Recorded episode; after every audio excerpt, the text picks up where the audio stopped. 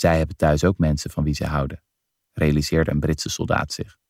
Vandaag vervolgen wij onze bespreking van De meeste mensen deugen door Rutger Bregman. Dan komt deel 5 al. En dat is gelukkig het laatste deel. Deel 5. De andere wang. Rutger Bregman gaat Jezus citeren, namelijk Jezus oproep iemand die je kwaad doet, de andere wang toe te keren. En vervolgens noemt hij dat een rationeel principe. Wat ik me nu pas realiseer, is dat Jezus eigenlijk een rationeel principe beschreef.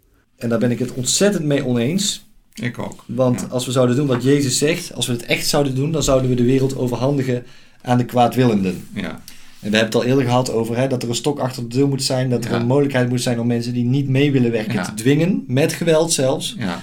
En Jezus die pleit eigenlijk voor gewoon niks doen. Ja. Want jouw beloning komt in de hemel, is de achterliggende gedachte natuurlijk.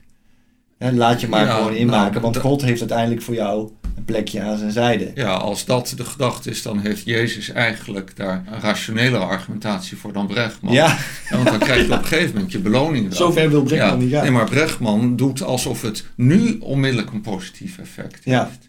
En dat is zo'n ontzettende onzin. Dat eh, vind ik eh, wel ergerniswekkend. ja. Want dat kunnen wij in onze heel veilige samenleving, die heel welvarend is, kunnen dat beweren. Omdat wij niet echt in grimmige situaties zitten waar rotzakken ons een oplawaai verkopen. ja. En gaat Brechtman dit dan ook zeggen tegen de moedige mensen in Wit-Rusland die geprotesteerd hebben tegen Lukashenko en die soms opgepakt worden door de politie en waarvan een arm wordt gebroken? Ja. die, die mensen dan zeggen, nou weet je wat, breek mijn andere arm nu ook. Die andere wang toekeren is natuurlijk in tegenstelling tot wat Brechtman beweert helemaal niet wat je moet doen. Je Ja. moet je verweren tegen onrecht. ja. Hoofdstuk 16.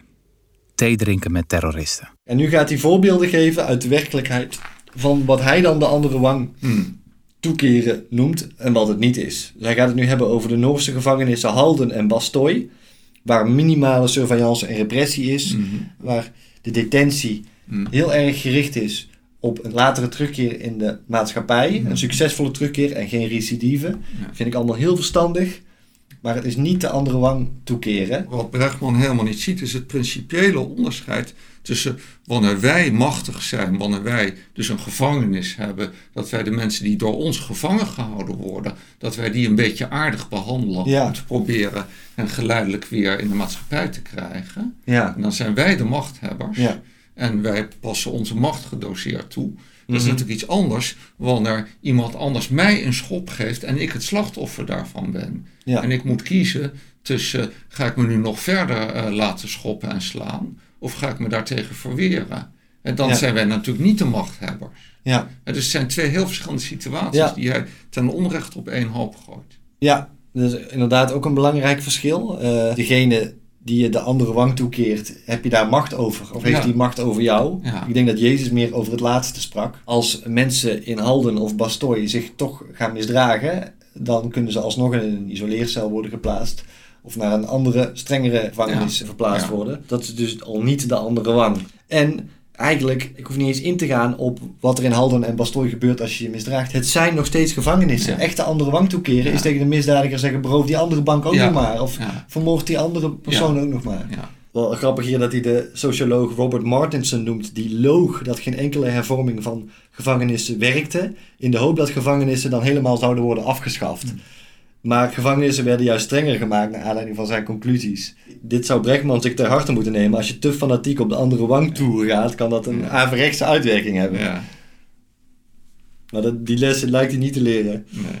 Dan gaat hij het hebben over Anders Breivik. Hij schrijft, Nadat de rechtsextremist Anders Breivik een bloedbad had aangericht, zei de premier: We zullen deze aanslag beantwoorden met meer democratie, meer openheid, meer menselijkheid. Prima uitspraak, maar Breivik zit wel gewoon vast. Hè? Ze hebben niet gezegd, hier heb je nog een paar onschuldige jongeren die je kunt vermoorden. En dan zegt Bergman een stukje verderop nog, De wereld opdelen in goede en slechte mensen. Dat is makkelijk. Dat is wegkijken. terwijl hij zelf de wereld opdeelt in machtelozen en machthebbers die ook Ja. goed en slecht zijn. Ja, hij, zijn. hij doet dat zelf juist op een heel simplistische manier. Nou, hoofdstuk 17 wat mij betreft. Hoofdstuk 17. Het beste medicijn tegen haat, racisme en vooroordelen. Dan gaat hij maar door over die andere wang. Dan zegt hij, Het idee achter de Noorse gevangenissen liet me niet meer los. Als we criminelen en potentiële terroristen de andere wang kunnen toekeren, dan kunnen we die strategie misschien op nog grotere schaal toepassen. Dan kunnen we gezworen vijanden bij elkaar brengen of zelfs de vuren van haat en racisme doven. Die andere wang die is heel hardnekkig. Ja, goed, hij heeft ook het hele deel ernaar genoemd. Dat komt niet zo een keertje voorbij, maar dat blijft hij echt inpeperen. Ja. Daarom wil ik ook maar blijven inpeperen dat dat echt onjuist is. Ja. Dan gaat hij het hebben over de contacthypothese van Gordon Allport. Dat is kort gezegd bekend maakt bemind. Daar zit denk ik zeker wat in. De enige kritiek daarop is eigenlijk dat dat contact, het moet wel positief contact zijn. Ja. Als het negatief contact is, dan kan het juist helemaal verkeerd uitpakken. Maar ik denk in het algemeen dat dat ook weer een beetje net als het Pygmalion effect. Het, het klopt waarschijnlijk. En het is ook heel logisch. Het is niet zo revolutionair. Nee, helemaal niet. Ja. Nee. Een heel mooi voorbeeld van wat hij niet geeft is het orkest wat door de Palestijn Edward Said en de Joodse dirigent eh, Daniel Mm. Barenboim is opgericht. Waar Mm. Palestijnse, Arabische en Israëlische Oh ja. muzici samenspelen. Oh ja. Wat natuurlijk heel goed werkt om die spiraal van haat en agressie wederzijds te dempen. Want ja. Ja. opeens is iemand met wie je samenwerkt een normaal mens van vlees en bloed. Ja. En dat is natuurlijk prachtig. Nu geeft Brechtman zelf eigenlijk per ongeluk de beperking weer van die eigen Mhm. contacthypothese. Of eigen, het is niet Mhm. van hem, het is van Alport. Maar hij zegt, Na de verkiezing van president Donald Trump in 2016 werd duidelijk dat we nog te vaak in onze eigen bubbel leven. Twee sociologen ontdekten dat de raciale en etnische isolatie van witten een van de sterkste voorspellers was van steun voor Trump.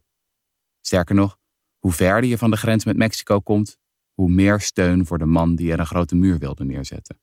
Texas is een behoorlijk rode staat. Dus zo simpel is het nou ook weer niet. Dat hoe Ja. dichter je bij Mexico komt, hoe positiever iedereen is over Ja. Mexicanen. Ja, helemaal niet zo. Dus. Ja. Nee. En waar dat dan aan ligt, weet ik ook niet. Maar ik vind dat Brechtman daar even over na had moeten Ja. denken voordat hij dit opschreef. En dan zijn we al bij het laatste hoofdstuk volgens Ja. mij. Hoofdstuk 18. Toen de soldaten uit de loopgraven kwamen. Brechtman gaat afsluiten met de vrede van kerst 1914. Maar voordat hij daar echt op ingaat, gaat hij het eerst hebben over reclamebureau Mullenlohe. Dat een propagandaopdracht kreeg om varkstrijders tot inkeer te laten komen. En dan besluiten zij dus ook kerst aan te grijpen voor een actie. Mhm. Carlos en Juan zijn dus de twee reclamejongens. Mhm. En Brechtman schrijft over hen. Carlos en Juan begrijpen dat ze in hun propaganda niet de ideologie van de vark moeten aanvallen, maar dat ze het veel dichter bij huis moeten zoeken. Het team ontdekt bijvoorbeeld dat het aantal demobilisaties ieder jaar piekt op hetzelfde moment, rond kerstmis. Blijkbaar willen de guerrillo's tijdens de feestdagen het liefst thuis zijn, net als ieder ander. Zo pitchen Carlos en Juan hun idee bij hun baas. Misschien zijn we gek, zeggen ze. Maar wat zou je ervan zeggen als we een kerstboom neerzetten in het midden van de jungle?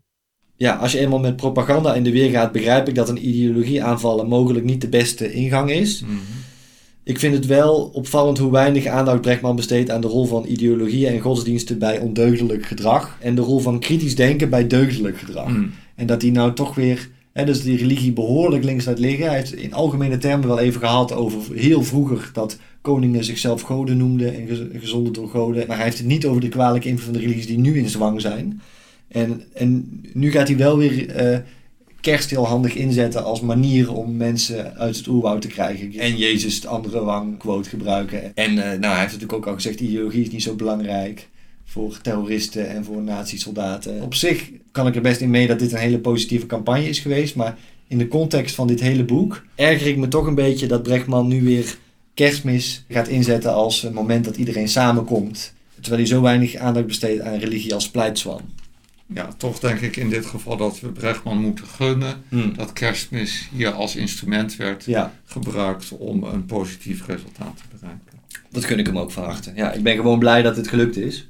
Wat Brechtman beschrijft is dat er met kerst in de Eerste Wereldoorlog wederzijds soldaten uit de loopgraven kwamen en met de andere partijen, Fransen en Duitsers, samen kerstmis gingen vieren. Dat is een interessant fenomeen. Ik was daarmee bekend. Het is ook voorgekomen in andere oorlogen, bijvoorbeeld in de Tweede Wereldoorlog aan het Oostfront.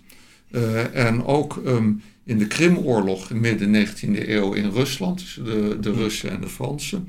Daarover is geschreven, eh, onder andere door Leo Tolstoy, de beroemde schrijver natuurlijk in de eerste plaats van Oorlog en Vrede en Anna Karenina. Maar Tolstoy heeft zelf als jonge officier meegedaan aan die Krimoorlog in die 50 jaar en hij beschrijft dat dat daar gebeurt ook. Ik weet niet zo goed wat ik ermee aan moet. Ik ben daar zelf niet zomaar heel positief over, anders dan Bregman. Ik vind dat je er ook een heel andere kant mee op kan gaan. Namelijk dat het heel merkwaardig is dat nadat je uit loopgraven gekomen bent en gezellig met andere mensen kerstmis gevierd hebt, dat je korte tijd daarna weer die mensen gaat proberen dood te schieten. Dat geeft eigenlijk aan dat er toch een hele rare fabrieksfout in die diersoort mens zit. Hè? Dat je weet dat die andere mensen helemaal niet principieel anders zijn dan jij. En dat je eh, toch gewoon weer doorgaat met elkaar uitmoorden op hele grote schaal. Zelfs in oorlogstijd is er een berg van vrede die ieder moment kan bovendrijven. Generaals, politici en ophitsers moeten alles uit de kast trekken: geweld, dwang, nepnieuws, om die berg onder water te duwen. Oorlog zit nu eenmaal niet diep in onze natuur. De conclusie die Brechtman daaruit trekt, vind ik wel erg in zijn straatje te pas komen en helemaal niet zo vanzelfsprekend. Ja. Ik vind zelfs dat je bij de tegenovergestelde conclusie zou Ja. kunnen uitkomen. Ja, hij kiest er weer voor om het op zijn manier te lezen, zal ik maar zeggen. Net zoals Paaseiland bijvoorbeeld. Dit aspect vind ik positief, dus nu wordt het een positief verhaal. En dat hangt helemaal af van welke bril je opzet. Ja. En ik vind niet dat hij een hele goede bril opzet. Ook nog Nee, eens. nee. Wat ik ook wel interessant vind is dat hij nou Hitler voor de tweede keer op dezelfde manier introduceert. Hij heeft het over iemand in de Eerste Wereldoorlog die niet blij was met dat kerstbestand. Ja. Die dat eh, schande vond. Ja. En dan zegt hij de naam van deze man. De naam van deze man? Adolf Hitler. Adolf Hitler. Ja. En dat is de, de tweede Hitler-reveal. En Ja. ik dacht ook, hmm, misschien is Hitler dan niet door zijn macht gecorrumpeerd. Want toen was hij Ja. nog geen Ja. Toen was dictator. een kleine militair. Ja. Ja. Maar goed, misschien dat zelfs Brechtman over Hitler wel zal toegeven dat het niet alleen maar kwam doordat de macht naar zijn hoofd is gestegen. Nou, dan gaat Brechtman een conclusie trekken. Wat we moeten onthouden, en ik zeg dit ook voor mezelf, is dat die ander op ons lijkt. Die boze burger in de krant, die crimineel met een zwarte balk voor zijn ogen, die vluchteling als statistiek. Het zijn stuk voor stuk mensen van vlees en bloed. Geldt dat ook voor die 1% machthebbers die niet deugen? En die dichters, filosofen en Ja, politici? ja. En, Ja. en geldt het ook voor dat eh, de mensen die ons in alle vallen hebben gelokt en het kwaad hebben vermomd? Ja. Hebben ze die ook allemaal net zo goed van vlees Ja. en bloed volgens Brechtman? Ja. Ik weet niet. Misschien wel. Mensen die in een ander leven onze vrienden, onze familie, onze geliefden hadden kunnen zijn. Zij hebben thuis ook mensen van wie ze houden, realiseerde een Britse soldaat zich.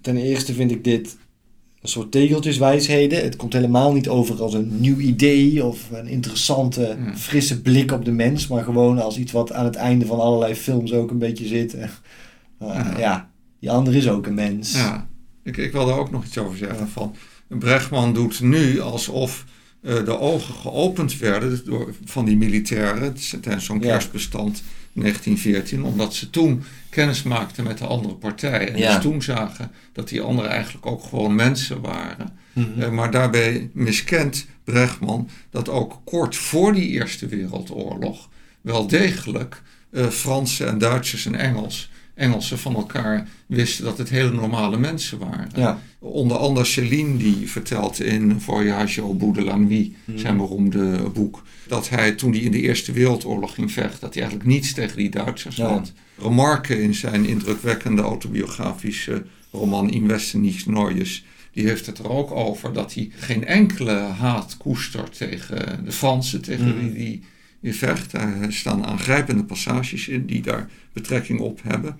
En eh, ja, bedenk bijvoorbeeld dat kort voor de Eerste Wereldoorlog Richard Strauss, de Duitse muzikus, was een superster in Engeland. Mhm. Dat is heel beroemd. Neem 1913 Parijs, mei, de beroemde première van Le Sacre du Printemps, het stuk van Igor Stravinsky. Mensen uit heel Europa zaten daar in de zaal, broederlijk naast elkaar. En het is zelfs zo En niet alleen maar mensen uit de hogere klasse. En niet alleen mensen uit de hoofdklasse, ook uit de middenklasse. Bijvoorbeeld Maurice Ravel zat daar, componist, die een jaar later zich als vrijwilliger heeft aangemeld toen de Eerste Wereldoorlog begonnen was. Hmm. Hij is overigens afgekeurd, hij was te klein van stuk. Maar die had dus mee willen werken aan het eh, Hmm. bestrijden van de Duitsers. Het is zo bizar dat Hmm. eh, hij heeft toen daarna nog een stuk gecomponeerd, Le Tombeau de Couperin, waar ieder deel is opgedragen aan een overleden Franse militair. En toen, nadat het vrede was, is er een Oostenrijkse eh, beroemde pianist bij hem gekomen, eh, Paul Wittgenstein, Hmm. die zijn rechterarm verloren had in de Eerste Wereldoorlog. Waar Maurice wel in had willen vechten. En Ravel heeft voor een prachtige oplossing gezorgd. Het beroemde pianoconcert voor de linkerhand Hmm. heeft Ravel gecomponeerd voor deze Oostenrijkse eh, pianist. Ja. Dus eerst zit je eigenlijk met z'n allen samen in dezelfde muziekzaal, bij wijze van ja. spreken. Daarna ga je op elkaar schieten, of wil je dat op zijn minst doen. En daarna ga je de voormalige vijand op de mooiste manier helpen die mogelijk is. Ja. Het is allemaal zo tegenstrijdig. Kennelijk kunnen we heel makkelijk switchen tussen die twee. Ja. Eh, en dat vind ik zelf eigenlijk een verontrustend idee. Ja. Niet een heel krachtig... iets- Bevreemdend. het is Maar niet- het ja. is niet een heel krachtig iets eh, Ja. wat, wat ons behoedt voor eh, uitglijden in, in massageweld. Nee, als Ravel was toegelaten in die oorlog, dan had hij degene kunnen zijn die Ja. die arm eraf had Ja, geschoten. het kan dus ook zo zijn dat Ja. mensen uit landen die nu onze vrienden zijn, binnen heel korte tijd Ja. opeens tegenover ons Ja. staan. Dat Ja. is allemaal mogelijk. Wat jij nu vertelt vind ik ook een belangrijke kanttekening bij die contacthypothese. Kennelijk was er voorafgaand aan de Eerste Wereldoorlog volop contact tussen de deelnemende volkeren.